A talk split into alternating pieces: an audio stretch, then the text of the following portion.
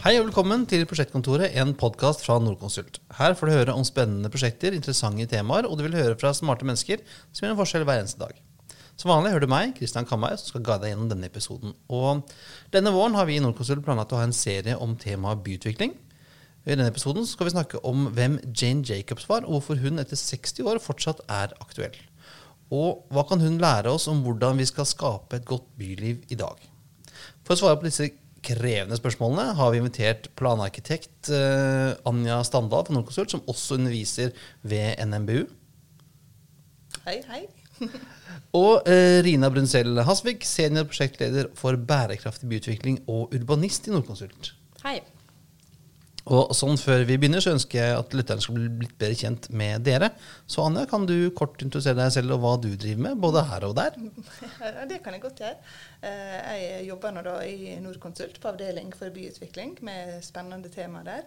Og så er jeg utdanna arkitekt opprinnelig, eller faktisk byggingeniør opprinnelig. Og så arkitekt, og nå er jeg nettopp ferdigstilt en doktorgrad. Så du er det vi kaller eh, tverrfaglig? Eh, Det jeg kaller tverrfaglig. Jeg liker å jobbe med det tverrfaglige i alle skalaer til enhver tid. Så ja. og så jobber jeg også på NMBU og underviser tverrfaglige kurs. Eiendomsutviklere, landskapsarkitekter og byoregionsplanleggere der. Men skulle jeg ikke kalt deg doktorstandard? Ja, det skulle du. Nei. Kanskje hvis vi er i utlandet, i Tyskland, så er det viktig. I Norge, For du har doktorgrad òg? Ja, akkurat ferdigstilt en doktorgrad. Disputerte for uh, tre uker siden, 5. mars, på NMBU. Så uh, Gratulerer. takk. Ja, sånn får man altså når man uh, ringer en planarkitekt hos uh. Og Rina, velkommen tilbake. Du kan jo ta en kjapp intro om deg selv òg. Ja, takk for det. Jeg er eh, fortsatt tidligere politiker.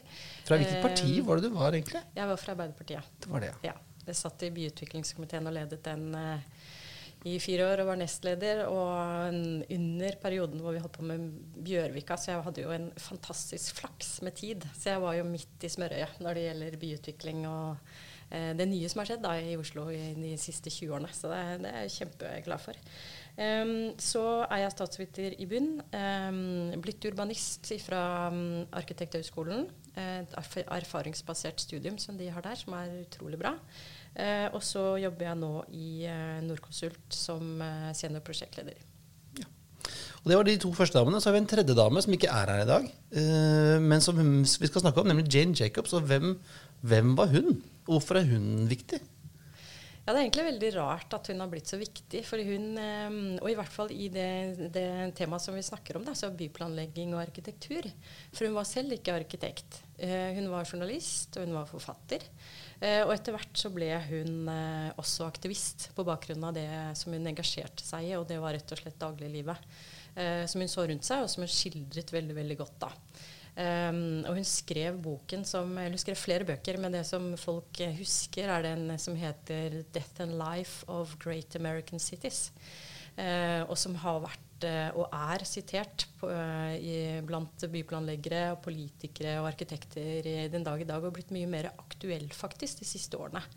Og hun har vært en sterk kritiker av modernismen, altså den eh, regime, kan du si, som var i, i byplanlegging og arkitektur fra 20-tallet og oppover til eh, eh, ja, egentlig oppover til nå, for det er ganske sterke eh, fotspor som de har eh, satt i, i vår verden. Eh, og det Jane Jacobs var veldig irritert og, og kritiserte, var at man tok bilen inn i byene og fjernet fotgjengerne og folket. Da.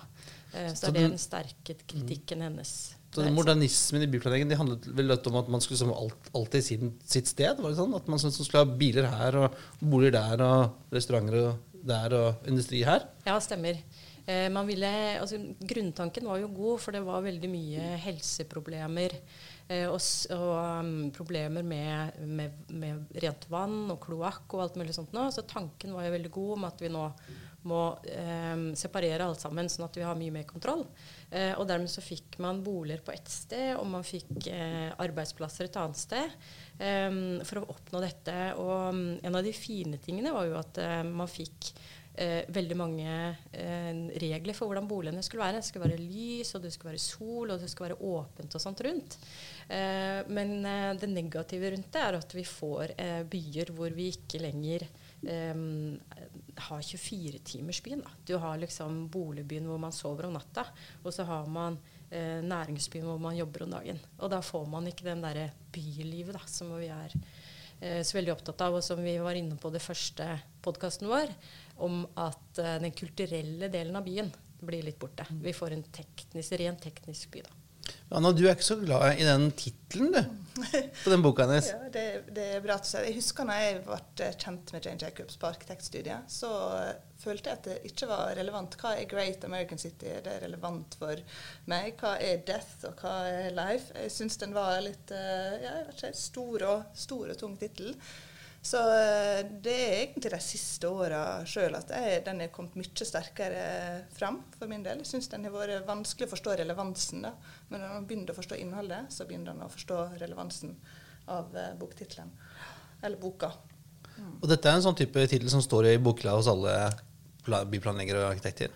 Den står overalt. Og sjekk alle referanser. Hun er referert i alt som er som handler om byutvikling i dag. Det, jeg tror ikke det finnes artikler som ikke refererer den boka.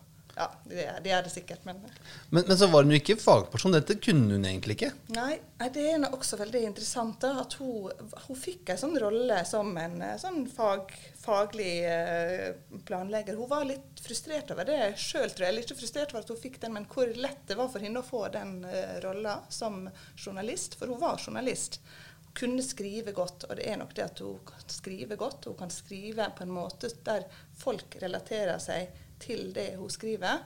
Og litt fra et sånt uh, bottom up-perspektiv. Mm. Ja, uh, at hun tar for seg det reelle livet, og ikke det som skjedde på skrivebordet da, til planleggerne.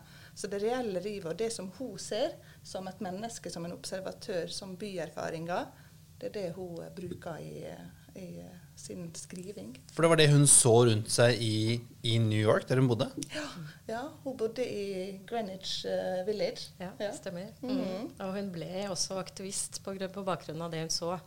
Fordi han Robert Moses, var det vel han het, mm. arkitekt, vi ville gjerne fjerne egentlig ganske store deler av de områdene for å anlegge en motorvei, få det mer på modernistisk uh, termer eller, eller eh, prinsipper.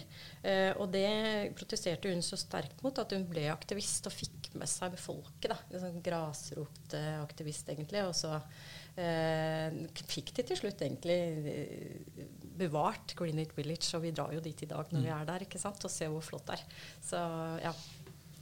Og uh, hun hadde en spesiell måte å beskrive en by på, og et viktig poeng for henne var den, den trygge byen. Hva er den trygge byen? Eh, ja, hun eh, det er hun også veldig kjent for, akkurat den tilnærmingen der. Og de, de, de, som har noen uh, sitater fra henne, kjenner veldig godt til den 'Eyes Upon the Street', eh, hvor hun eh, beskriver at eh, trygghet dreier seg om en gate hvor det alltid er folk. og den gaten er det folk om dagen, fordi det er folk som har forretninger der. De har kontor, eller de har en pub eller restaurant eller frisør eller et eller annet eh, og kan følge med på hva som skjer ute på gata. Eh, Så litt sånn Gro Harlem Brundtlands nabokjerringa? Ja. I litt større skala, hvor alle sammen, når noe skjer, da, eh, som hun også beskriver i boken sin, når noe skjer, eh, så kommer alle ut. De stiller seg litt på gaten, de har armene på, ved hoftene og stiller, stirrer litt eh, kritisk på de som driver og bråker eller gjør et eller annet de er eh, skeptiske til. Eh, og så får de ordnet opp i det, da. Eh, og sånn er det jo også om, eh, om kvelden og om natta, for da er det folk som bor der. Så de følger liksom med. Hvis det er noe som skjer, så hører de det. Og det er den Ice upon the street' som hun snakker om. Da, at det er folk som naturlig tilhører det området, som, som passer på du som fremmed, da, som ikke bor der, men har lyst til å gå dit. Føler deg trygg, fordi det er alltid noen som, som er i nærheten. For når vi er på ferie eller reiser et sted hvor vi ikke er kjent, så går, vil vi gjerne gå der det er mye folk. Det er jo en grunn til liksom, at Greenwich Village eller, eller, eh, Notting Hill eller Grünerløkka er et sted hvor folk går, for det er mye folk fra før av. Mm. Ja, det er mye å oppdage også, og det er også hun veldig opptatt av. Da, at det skal være eh, mye aktivitet inni husene som gjør at folk blir trukket dit. For det også er en, en viktig tema at eh, mixed use er, handler jo akkurat om det. ikke sant? Flerfunksjoner. Eh, og du skal ikke til frisøren bare. Du skal kanskje ha en kaffe i tillegg, og så går du innom en klesbutikk fordi du trenger en skjorte eller et eller annet sånt. Så, uh, ja. Mm. Så det handler liksom om at det er, det er, liv, og du, du kan gjøre flere ting på en gang. Og ikke, ikke, ikke det modernistiske, da, som om man hadde jobb her, uh, bo der, spise der. Det handler om relasjonene i byen, og det skriver hun veldig godt om. Om hvordan byen eh, består av noe som hun kaller organisert kompleksitet. En rekke utallige skriver utallige relasjoner som er knytta sammen på forskjellig vis. Eh, og det er akkurat de relasjonene mellom de funksjonene som er med å gi de forutsetningene en får for eh, et godt byliv. Og det som eh, Rina snakker om, er blanda arealformål, men samtidig nok folk. konsentrasjon av folk, som da kanskje har litt med tetthet å gjøre. Både fysisk, demografisk og funksjonell tetthet. Og det at det er godt tilgjengelig. Og det er noe, det som er interessant, er at det samsvarer liksom spot on med dagens arealpolitikk, som er om kompakt by, som har de tre kriterier. Ja, den herre femminuttersbyen eller timinuttersbyen hvor man skal være i nærheten av alt. Ikke tett, men man skal være nært. Liksom. Mm, Ja, Veldig fint at du sier nært, for nært handler om relasjoner. Og nært er et fint ord for å snakke om tetthet på. Og det er akkurat, Vi snakker mye om femminutters, timinuttersby, men det er akkurat det det handler om. At du får det du trenger i ditt nabolag eller i, i din nære kontekst, sånn at du tar bærekraftige valg. Du velger å gå, eller du velger å sykle. eh, Eller kollektiv hvis du er noen, noen andre valg. Så det handler om den nære treenigheten mellom funksjon og tilgjengelighet og tetthet, nærhet. Gode relasjoner. Mm. Så er det veldig populært blant de som ikke bor i byen, å snakke om at eh, byen er så, så kald og man har ikke nærhet. Men du sier at det hele, du, og du er jo ikke fra byen, egentlig. Nei, jeg er nå kanskje fra det absolutt motsatte av byen. Jeg er fra et lite klyngetun opprinnelig, rekketun, eh, med fem, fire gårder der jeg kommer fra. Fem. Og det er Jeg, jeg er nå av den eh, oppfatning av at byen og bygda eh, henger sammen. For det handler om hvordan bygg er satt sammen. Det handler om hva funksjoner du har, og hvordan du kan møtes. Om du bor i en liten settlement, altså en liten bygd, eller om du bor i et nabolag i en by. da. Så nabolaget i byen, og som det også er mye snakk om nå med arkitekturtriennalen, er helt vesentlig for at du møter de folka som, eh, som du møter på din vei, som du kanskje ikke kjenner, men som du nikker til og sier hei til. Og du får den der tryggheten av at du gjenkjenner både folk og omgivelser, og du får det du trenger i, innenfor fem-ti minutter. Og så har du nabokjerringa som passer på. Mm. Uh, Jane Jacobs eh, beskriver den uh, veldig poetisk, egentlig, som uh, eh, byens ballett. Hvor vi går ut av bygningen, vi gjør våre egne dagligdagse ærender. Um, vi tar med oss, vi tar opp nøkkelen av vesken, vi eh, låser døra, vi på, møter naboen uh, som har med seg barna sine, skal i barnehagen. Vi gjør våre ting, men samtidig så er liksom dette en, en, en eh, ballett som passer veldig veldig godt sammen, da, mener Jane Jacobs. Uh, og um, den uh, fører også til at vi liksom vi, vi kjenner igjen omgivelsene våre, vi kjenner igjen eh, de som er rundt oss. Og hvis vi mener hun, da, etter at man har møtt en person fire ganger, så tenker man her, hun bor her, så nå kan jeg jo nikke og si hei. så, så For vi trenger ikke noe mer. Nei, det var i hvert fall ikke når man Jeg merker det egentlig det selv. Jeg bor ikke så langt borte fra, fra Anja um, på Rodeløkka. Og man møter noen i heisen som man har møtt, møtt flere, fire ganger, så begynner man også å nikke. Smile. Kanskje neste gang eller neste gang der kanskje man sier hei, ikke sant. Eh, men man får den derre eh, landsbyfølelsen, egentlig. Um, som eh, veldig mange utenfra byen kanskje ikke kjenner så lett igjen. Da. Men hvis du bor der, så er den lett gjenkjennelig. Fordi det er ditt område, det er ditt eh, nabolag. Um, du føler liksom en trygghet der, og du, du eh, nikker til de du, du kjenner igjen. Da. Um, ja. Så du får en helt annen opplevelse av hva byen er når du bor i, i, i sånne områder. Og et eierskap. Jeg ser det som det nå at, at mange i nabolagene eller bydelene så har man liksom et, et, en lokal pub eller en lokale butikker, og man er veldig opptatt av denne nabolagsfølelsen. Mm. Ja, den er jo også tatt opp i, som eget tema i Oslo arkitekturtriennale i år. Og det blir veldig spennende å se hva de kommer frem til. Men det er det dreier seg også om den der eierskapsfølelsen, som du sier. Da, at man er opptatt av hvordan omgivelsene er rundt man, der man eh, har sine egne forretninger. Jeg har hørt at det gamle Hallén, eh, det gamle eh, flotte, fantastiske bygningen som ligger på Olaf Ryes plass, som var en klesforretning, en av Nord-Europas største, har jeg skjønt, i sin tid. da. Um, han var veldig opptatt av at det skulle være rent rundt uh, hans uh, butikk. Og på, um, han var ute og så spylte og børstet uh, fortauet for at det skulle være presentabelt. Veldig sånn eierskap, Selv om ikke det var hans fortau, så hadde han et veldig sånn eierskap til at det skulle være flott rundt seg. da. og det tror jeg veldig mange butikkeiere tenker, at det skal være fint rundt akkurat der hvor de er. Ja, for du, det, vil du ikke gå inn et sted hvor det ser søplete ut heller? Nei, man gjør egentlig ikke det. Man går man litt fort forbi. og tenker at her var det litt uryddig. Hvordan er det da innvendig? um, I den første episoden av serien så var vi inne på at byutvikling er innfløkt. Uh, og for Jane Jacobs er dette en av de viktigste poengene. Byutvikling er komplekst. Det er mange behov som skal tilfredsstilles. Det er mange aktører som har en stemme i, i utviklingen. Og kan Jane Jacobs syn hjelpe oss med å skape det vi alle vil oppnå nå, en, en god og aktiv by med liv? Ja. ja det, det, må jeg bare si. Ja. I hvert fall tankesettet som hun kom med, uh, kan hjelpe. For det handler om å kunne bygge inn forutsetninger for å, å skape en god og aktiv by. Og det er nå de poengene som hun snakker om i sin bok, de er så uh, til de grader gjeldende i dag. Og der er også flere forskere internasjonalt som skriver om um, byens DMA. Det er nå det samme Density, Mixed Use Accessibility.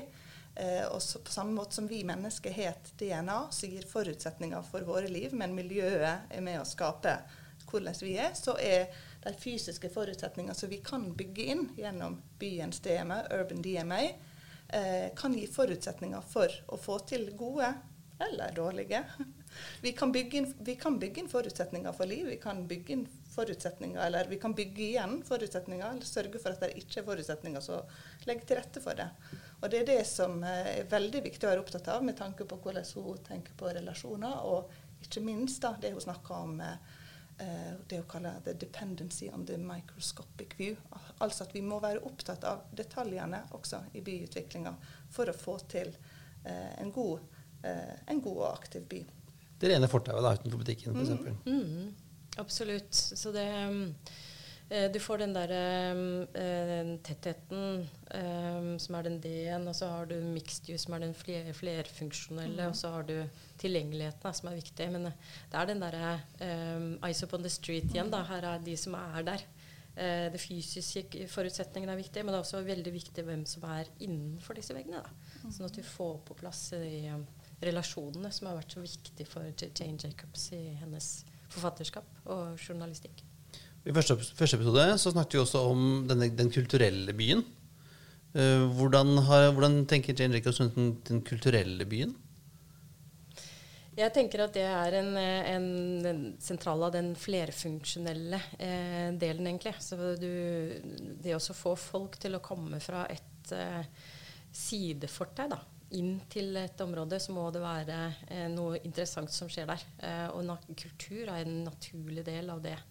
Eh, for skal du bare eh, ha en kaffe, så er du ikke så veldig lenge der. Men skal du på en konsert, så blir du der ganske lenge. Eh, du er der litt i forkant, du hører på konserten, du blir der litt i ettertid. Og etterpå så går du ut og tar en halvliter, eller kanskje noe flere. Eh, men en naturlig del av den kompleksiteten som hun er veldig opptatt av. Mm. Og det kulturelle tenker jeg også det funksjonelle, at du får funksjoner som sprer seg utover døgnet, det du nevnte tidligere. Mm. Kulturelle og, og, de hverdagsaktivitetene der du skal til, er med å skape den 24-timersbyen og det livet gjennom døgnet. Og det er et, et mål at du får denne blandinga som vi snakker om, da, både med funksjoner og med kulturelle funksjoner, med boligfunksjoner, for at en får den mm. aktiviteten. Ha, har vi til nå sett for enkelt eh, på det å planlegge byer? Jeg sier tja. Vi har kanskje ikke sett for enkelt på det. For vi, noe, vi ser vel, på veldig mange aspekt med byen, men kanskje ikke vi knytter de aspektene sammen. Vi, vi, er veldig flinke til å se på de ulike fagfeltene og skal sørge for at alt blir oppfylt som trengs i en by. Og så er, er vi, eller er kanskje det vært for mye fokus på de eh, funksjonelle tingene. At du skal sørge for å ha god Fremkommelighet det kan være én ting. ikke sant? Men så hva er fremkommelighet eller friksjon? For en by er kanskje friksjonen det mest spennende. Så det er det at hvordan disse tingene henger sammen, som du får, at du får til det komplekse i byen. Mm. Ja. Jeg kjenner igjen litt fra politikken også. Det er eh, veldig enkelt å diskutere det fysiske, men det er utrolig vanskelig i hvert fall å få en, en meningsfull diskusjon om hva som skal være innvendig, i hvert fall hvis du skal styre det. Eh, det er nesten umulig. Du kan si på en måte at eh, fasaden skal være på den og den måten. Det skal være, på Bjørvika sa vi at det skulle bare være 60 meter eh, langt. For hvis det ble mer, så ble det litt for kaldt. Det var liksom vår forståelse av hvordan man skulle tenke by på den tida der. da. For du vil ikke ha en sånn lang vegg, som Galleri Oslo-mur, liksom? Nei, vi ville absolutt ikke det, altså. Eh, men så har du også de diskusjonene som dreier seg om å ha eh, regulere inn dører for å rett og slett få mer funksjoner inn i bygningene. Eh, men det kan slå litt tilbake igjen også, for du kan gjøre den fysiske døra, men du kan ikke pålegge de som eier den bygningen, også ha flere butikker inni der. Så vi har et eksempel oppe på Ringnes park hvor det, det var tenkt at det skulle være flere butikker, men det er én som er inni. Eh, så den, de dørene da, som er regulert inn, de, de er stengt i dag. Og det, eh, så det er liksom andre ting som må til da, for at vi skal få til den mye-miksen som man er opptatt av. Ja, Du var inne på det nå, men uh, både planmyndigheter og politikere er- snakker om aktive fasader. Det er et, uh, et sentralt mål og virkemiddel for å etablere det gode bylivet. Men det kan virke som dette er lettere sagt enn gjort. Hva, hva er egentlig en aktiv fasade? Og, og er det et godt grep? Det, dette er noe spot on, for det jeg har studert nå i mange år. Aktiv fasade er nå en effekt av en fasade, om det er en aktivitet. Så litt av det som jeg jobber med på doktorgraden, er å prøve å jobbe med overgangen mellom bygning og gate på en måte som gjør at vi kan beskrive det, og beskrive hvordan vi kan bygge det for å få en effekt av en aktiv fasade. For ordet aktiv fasade i en norsk kontekst har gjerne fått en sånn uh, likhetstegn med kommersielle fasader eller publikumsåpne fasader. Ja, for da tenker jeg liksom Bjørvika hvor du har store kontorbygg, og så har du en restaurant, en kafé i, i første etasje. Er, det- er den da en aktiv fasade? Eller? Det er vel slik som jeg regner med at folk tolker det. En vil kanskje ikke tolke en boligfasade som en aktiv fasade, men en boligfasade kan nå gjerne være aktiv også. Og det er litt av det der å få prøve å finne et begrep som gjør at vi kan jobbe med ambisjonene om, om aktivitet og, og byliv, men gjerne på, både på bolignivå og på, på det kommersielle nivået. Og hvis vi kan bygge inn strukturer, altså bygge inn forutsetninger for at folk skal møtes, eh, og det kan være med inngangsdører, eller det kan være måter vi organiserer boligene på, ut mot gata eller så, så bygger du i hvert fall inn forutsetninger for eh, å få til den aktive fasaden med bolig eller med kommersielle funksjoner. Så du hører jeg er litt kritisk til ordet aktiv fasade. Men det er mest pga. at aktiv fasade er en effekt av en fasade. Det er ikke fasaden i seg sjøl. Så det er vanskelig å regulere den. For du kan ikke regulere at her skal det være aktivitet, som du nettopp sa, Rina. Men du kan regulere noe som legger forutsetninger for en aktivitet. Husker når jeg var liten og bodde i byen og lekte rundt, så lekte vi jo i bakgårdene, ikke i fasadene. For der var ute med veien det var livsfarlig å holde på med. ikke sant? Så det er jo kanskje, det er bakgårdene er kanskje mer liv enn enn i fasaden. Ja, det er, noe, det de diskusjonene som vi har hele tida. Jeg ser nå gjennom forskninga også at det er noe slik det har blitt organisert i Norge nå, at inngangspartiene er linka inn mot gårdsrommene, og at en snakker om nabolags jeg si, følelsen i de kvartalsgårdsrommene. Men det er viktig å huske på at det er også noe som er kommet eh, etter at eh, i ba- bakgårdene før så var det fullt av produksjon. Det var produksjonsby, og det var eh, du hadde bakeri, du hadde ganske røffe forhold. Og så kom byfornyelsen og rydda opp i bakgårdene. Og, så har vi da fått det tankesettet at nå er det bakgårdene som, som er de viktigste. For gatene var kjempesentrale på områder sånn som der jeg bor på Sofienberg. Det, hvis man ser historiske bilder derifra, så var nå gatene så aktive. Men selvfølgelig mindre biltrafikk. Vi, og vi ser det jo ofte som hvis vi er i Italia eller i Frankrike, sånn, så er det jo mye mer liv på gaten. Folk, folk sitter jo utafor huset sitt og ser på TV eller hører på radio, og det er jo litt liv. Mens vi nordmenn vi lukker oss mer inne, da, både enten i leiligheten vår eller i bakgården. da.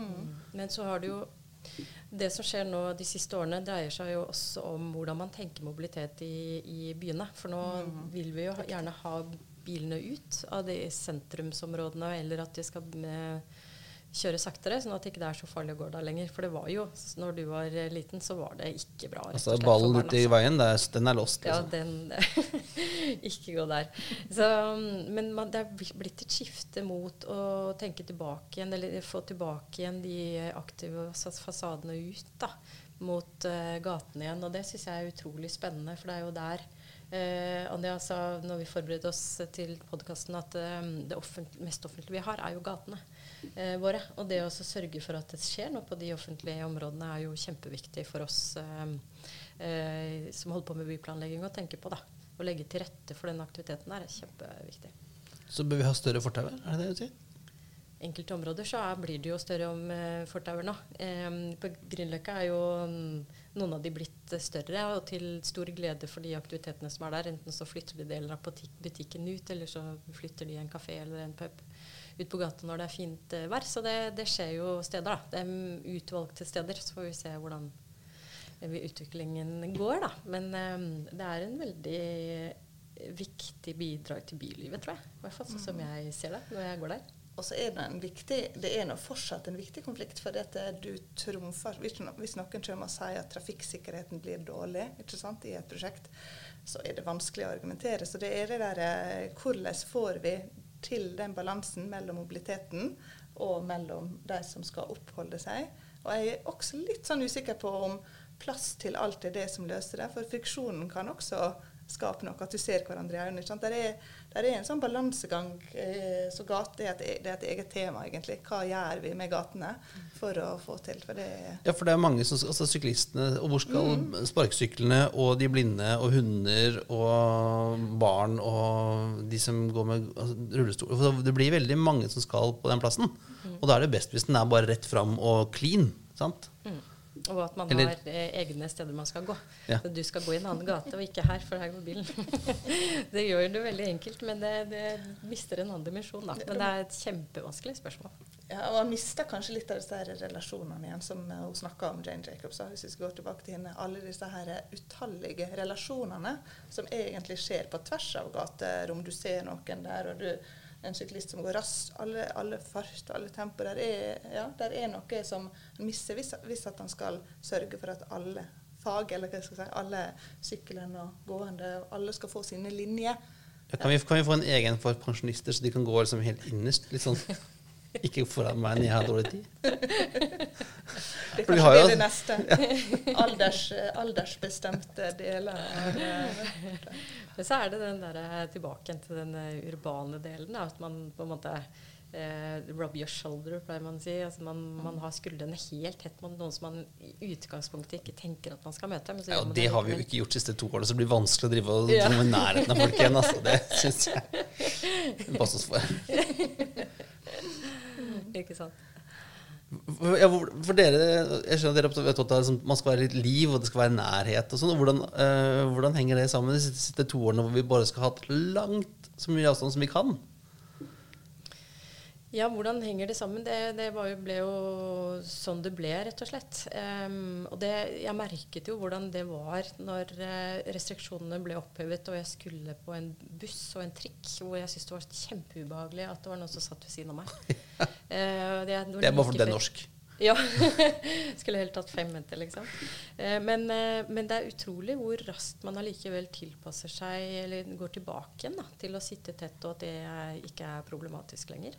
Eh, men det var en overgangsperiode rett og slett, hvor jeg syntes at det var veldig vanskelig følelse. da. Eh, Jeg tenkte har jeg masken på nå, kan jeg ta den på igjen? ikke sant? Så det er litt sånne ting. Men eh, det er liksom noe med oss mennesker som liker allikevel å, å klumpe oss litt sammen. da. Jeg syns det som var veldig spesielt i den tida da vi satt hjemme, det var at vi ikke gikk inn og ut av bygningene. Det som er en veldig viktig del av tilgjengeligheten. Altså det strukturelle, hvordan bygg og gate henger sammen. Det var i gaten en ferdes, og egentlig nesten ikke inn og ut. Så det med trygghet Jeg følte faktisk at det var mer uttrykk. Det var, du hadde ikke samme type når du var ute og gikk, så hadde ikke du samme type eh, sosial nikkekontakt, fordi at folk var i sine bygg, og du hadde ikke en såkalt distribusjon imellom inne og ute, som, er, som vi går inn og ut av hele tida. Hvis dere tenker på en dag, så er vi i gata, så er vi inne på et eller annet butikk, så, så du har denne linken mellom det inne og ute hvis du tegner opp din reise i dag, så vil du sikkert være inne og ut av bygg i mange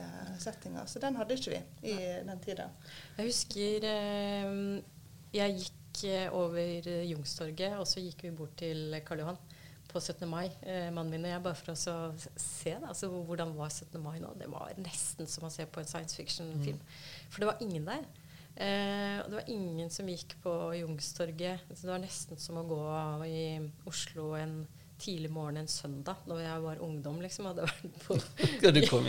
Skulle hjem fra fest. Det var ingen der. Men det var, det var utrolig behagelig. Den samme Mm. følelse som deg. Det, du følte at det var utrygt. da. Hvorfor er det ingen på Karl Johan? Mm. Og det pleier jo alltid å være folk på Karl Johan, men da var det ingen. Så da var byen litt død, på en måte. Litt sånn tilbake til Jane Jacobs og henne the, the, the Death and Life of Great American City. Kan byer dø? Altså Nå snakker vi ikke om sånn Ukraina bombet i stykker dø, men sånn byer som bare slutter å fungere. Ehm, ja, altså vi har vel egentlig sett uh, litt uh, Eller vi har sett det i Kvadraturen, egentlig. For der var det ikke noe aktiviteter. eh, Det var aktivitet, men den type aktivitet skulle vi ikke skulle vi ikke ha. Nei, Nei. jeg er helt enig. Det var en helt annen aktivitet, og det var ikke trygt. eh, og da hadde vi rett og slett ingen eh, funksjoner annet enn at folk jobbet der på dagen. Eh, og du måtte komme deg hjem klokka fem.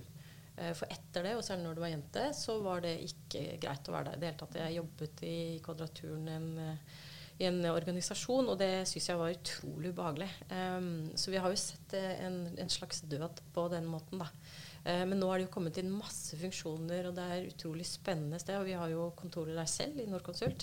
Eh, I det Telegrafen, ja. Kjempefint. Kjempefint. ja, det. veldig fint. Sånn at det, du ser liksom hva som skjer da når du får bort Eyes Upon the Street-prinsippet. hva som skjer med byer da. Eh, mens J. Jacob selv snakker om at eh, eh, hvis det motsatte skjer, hvis du ikke tenker på Eyes Upon the Street, at fortauene skal være i bruk hele tiden osv., så, så får du enten en situasjon hvor, hvor eh, de som bor der, bare er stuck with it. Altså de, de blir overlatt til seg selv. Det er ingen andre som, som er der. Um, og utryggheten øker. Uh, eller du kan sette deg i en bil, rett og slett, fordi det også er utrygt å gå. Eh, så selv om det er noe som er fem-ti minutter unna, så kjører du istedenfor å gå. Eh, den siste hun nevner, er noe som eh, de kaller for turf. Altså vi ble vel enige om at vi kunne kalle det territoriet, på en måte. da. At det er et område som noen kontrollerer. Og hvis du skal inn i det området, så må du få tillatelse. Og det er jo byer som overhodet ikke er trygge. Det er ikke sted du oppsøker. Det er ikke Svenske tilstander. Kan være det, ja. Mm. Eh, så, så det er ganske, mm, eh, ganske tøft eh, når sånne ting oppstår, og ikke noe spesielt morsomt i det hele tatt. Så mm, man skal være veldig bevisst da, på hvordan man utvikler byer, og ikke minst også når, hvordan de lever underveis. For Kvadraturen var jo bygget på 1600-1700-tallet, så det, det går jo i, i bølger og dalbaner. Men det er, det er et godt eksempel på at det faktisk er mulig å, å, å puste liv igjen da, i en, en by eller en bydel som, som uh, har vært litt dødt. da. Ja, det er det, altså. Jeg syns det er et godt uh, eksempel på det. Og det, jeg venter jo på at uh, det skal komme boligtilbud i Kvadraturen. For jeg har veldig lyst til å bo på Bankplassen, nemlig. For det syns jeg er et veldig, veldig flott område. Fin hage. Og fin, fin hage. fin adresse, da. Bankplassen. 1. liksom. Ja, ikke sant? Det er det schwung over det der. Og du har jo andre om, områder i byen, i, hvis vi snakker Oslo, da, eh, som har fått den der, det livet i en ensjø hvor det bare var liksom, produksjon og, og fabrikker, som nå har blitt et kjempespennende boligområde. Aker Brygge, som jo var industri, og sånn sett dødt når ikke det var noen som jobba der. Mm. Og Bjørvika, som jo var trafikk. Mm. Ja, absolutt. Men så har du også de som har litt mer utfordrende fysiske forutsetninger, da, hvor man glemmer dette med å føre fasaden, som vi var litt inne på i sted, ned til bakken. Man har høye førsteetasjer, så det man egentlig ser, er en uh, mur. Eh, og du får ikke den følelsen av, uh, eller kontakten da, med de som er innafor. Og det finnes det dessverre av en del eksempler på i Oslo. Eh, og det tror jeg er noe som eh, politikerne bør ta, ta, ta tak i, og byplanleggere. Eh, og prøve å unngå, rett og slett. Mm. Ja, det kan jeg også supplere litt på. For dette er noe akkurat det at du bygger ikke inn forutsetningene. Du får lange fasadelengder. Og så det som jeg har sett gjennom forskninga, er at vi, eh, at vi bygger bilder av den kompakte byen, men kanskje ikke strukturene som skal til for å få det til å virke som den kompakte byen. Og det gjelder både for det områder vi har som vi ikke kanskje får til all den flerfunksjonaliteten som vi snakker om. Og hvordan kan en da bygge inn strukturer som likevel gjør at vi møtes? At det ikke går langt inn i en djup eh, fra gata og langt inn i en bakgård og langt inn i en struktur i en bygningsstruktur, men at du faktisk kommer deg ut på gata, som er det mest offentlige rommet. Og at den gata er knytta sammen med andre gater. Jeg er veldig opptatt av struktur, så dere hører. Så jeg håper at vi klarer å få, at vi klarer å få gjort noe med struktur i byen for å bygge inn forutsetninger for at vi skal møtes. Det lille Lillo synger om at hver gate er forskjellige land. Mm. Sant? Og, og når vi var små, så var det sånn vi krangla liksom med de folka som bodde på Kjelsås, liksom. Så hvordan, hvordan får man de til disse, Hvis man da har disse bysentrum rundt omkring, da, eh, hvordan får de til å henge sammen? Eller, eller må det sånn bli sånne mellomområder som er litt sånn ingenmannsland mellom? Det, det nei, det må ikke være mellområder. Men det er når dette skal henge sammen, handler om det. Men det at du opplever at det er ulike nabolag, er en ganske sånn fin kvalitet samtidig.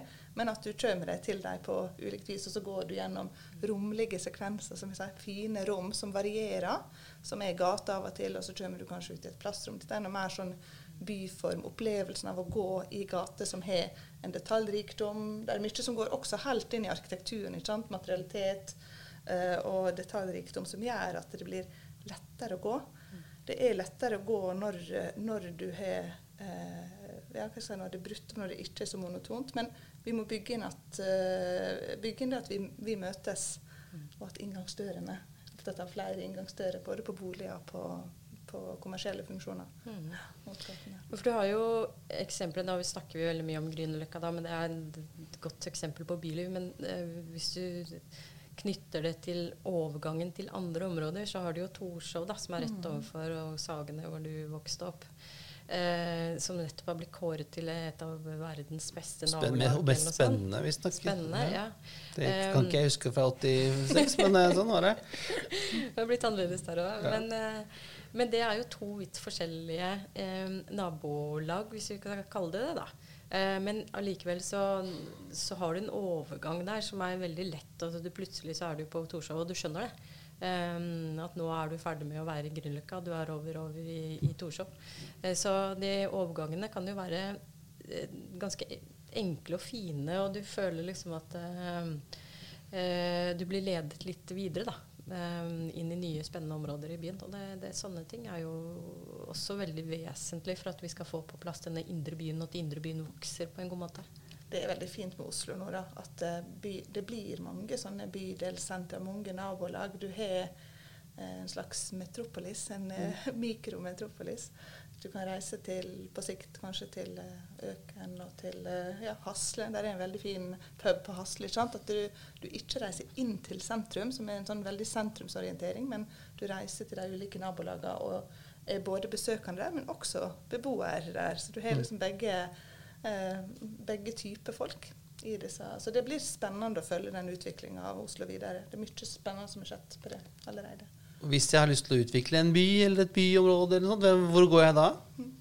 Du må nå gå til fagfolka, da. Norconsult og til eh, ja, og, og, og andre som eh, jobber med akkurat det her. Eh, Ja, vi har en ehm, eh, som vi snakket om sist gang også. Vi kommer fra byplanavdelingen i, i Norconsult, både Annie og jeg. Eh, og som har eh, jobber veldig mye med det som er tidligfase. Altså det legger de rammene for eh, også få bygget en god by, bydel. Eh, nabolag, område. Um, og så har vi jo en planavdeling som vi også har en del av, som eh, kan ta videre til eh, mer detaljene rundt eh, reguleringsplaner, områdeplaner, um, byggeplaner osv. osv. mm. Mm. Så det er hjertelig velkommen til Norskonsult. Og så bør man kanskje gå på Amazon og bestille boka til Jane Jacobs da, og lese i sommer.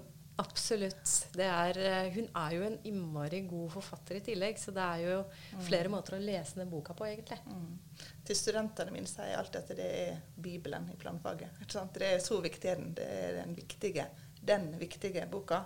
Så er det mange viktige bøker ellers også, men eh, den bør ligge i, grunn, i grunnstammen av en planlegger og byutvikler. Og alle leser den. Tror ikke alle leser den. det gjør ikke jeg, men kanskje ja, nå, eh, vi bruker mye tid på den, også i undervisninga. Mm. Og, eh, ja. Det er sånn som økonomer som meg, som alltid som har denne eh, Adam Smiths um, boka Dan Smith i bokhylla. Jeg har jo ikke, ikke lest den, da. Jeg har lest det ene kapittelet, men, men den står der. Men når folk kommer på besøk, så, Så ser de at den har jeg The der. Wealth of Ja, ja. Nations i bokhylla. Selvfølgelig er det gæren økonom. Så med den eh, klare oppfordring- oppfordringen om å ta kontakt med Norconsult om du skal gjøre noe, og lese boka til Jane Jacobs, så um, sier vi takk for denne gang. Takk for at dere kom til, til eh, prosjektkontoret. Takk for oss. Tusen takk. Det var alt for denne gang. Hvis du vil vite mer om Norconsult og hva vi driver med, og hvilke spennende prosjekter vi jobber med, så sjekker du ut norconsult.no. I dag hørte dere planarkitekt og, øh, og, og, og doktor. Doktor. Doktor eh, Anja Standal fra Norconsult og NMBU og Rinar Brunsell Hasvik, seniorprosjektleder og bærekraftig byutvikling og urbanist i Norconsult, og meg, Kristian Kamberg. Musikken er som alltid ved Thomas Wøni, som er akustiker i Nordkonsult. Og om du har spørsmål eller kommentarer til podden eller innspill til fremtidige temaer, send oss ganske enkelt en e-post til podkast.nordkonsult.com, og det er podkast med C. Ikke glem å abonnere på Prosjektkontoret i iTunes eller din foretrukne podkastspiller. Så får du alltid den nyeste episoden rett i spilleren din. Og om du liker det du hørte, er vi veldig glad om du eh, gir oss noen stjerner, en liten anbefaling i iTunes. Så blir vi kjempeglade. Takk for denne gang. Vi høres plutselig igjen.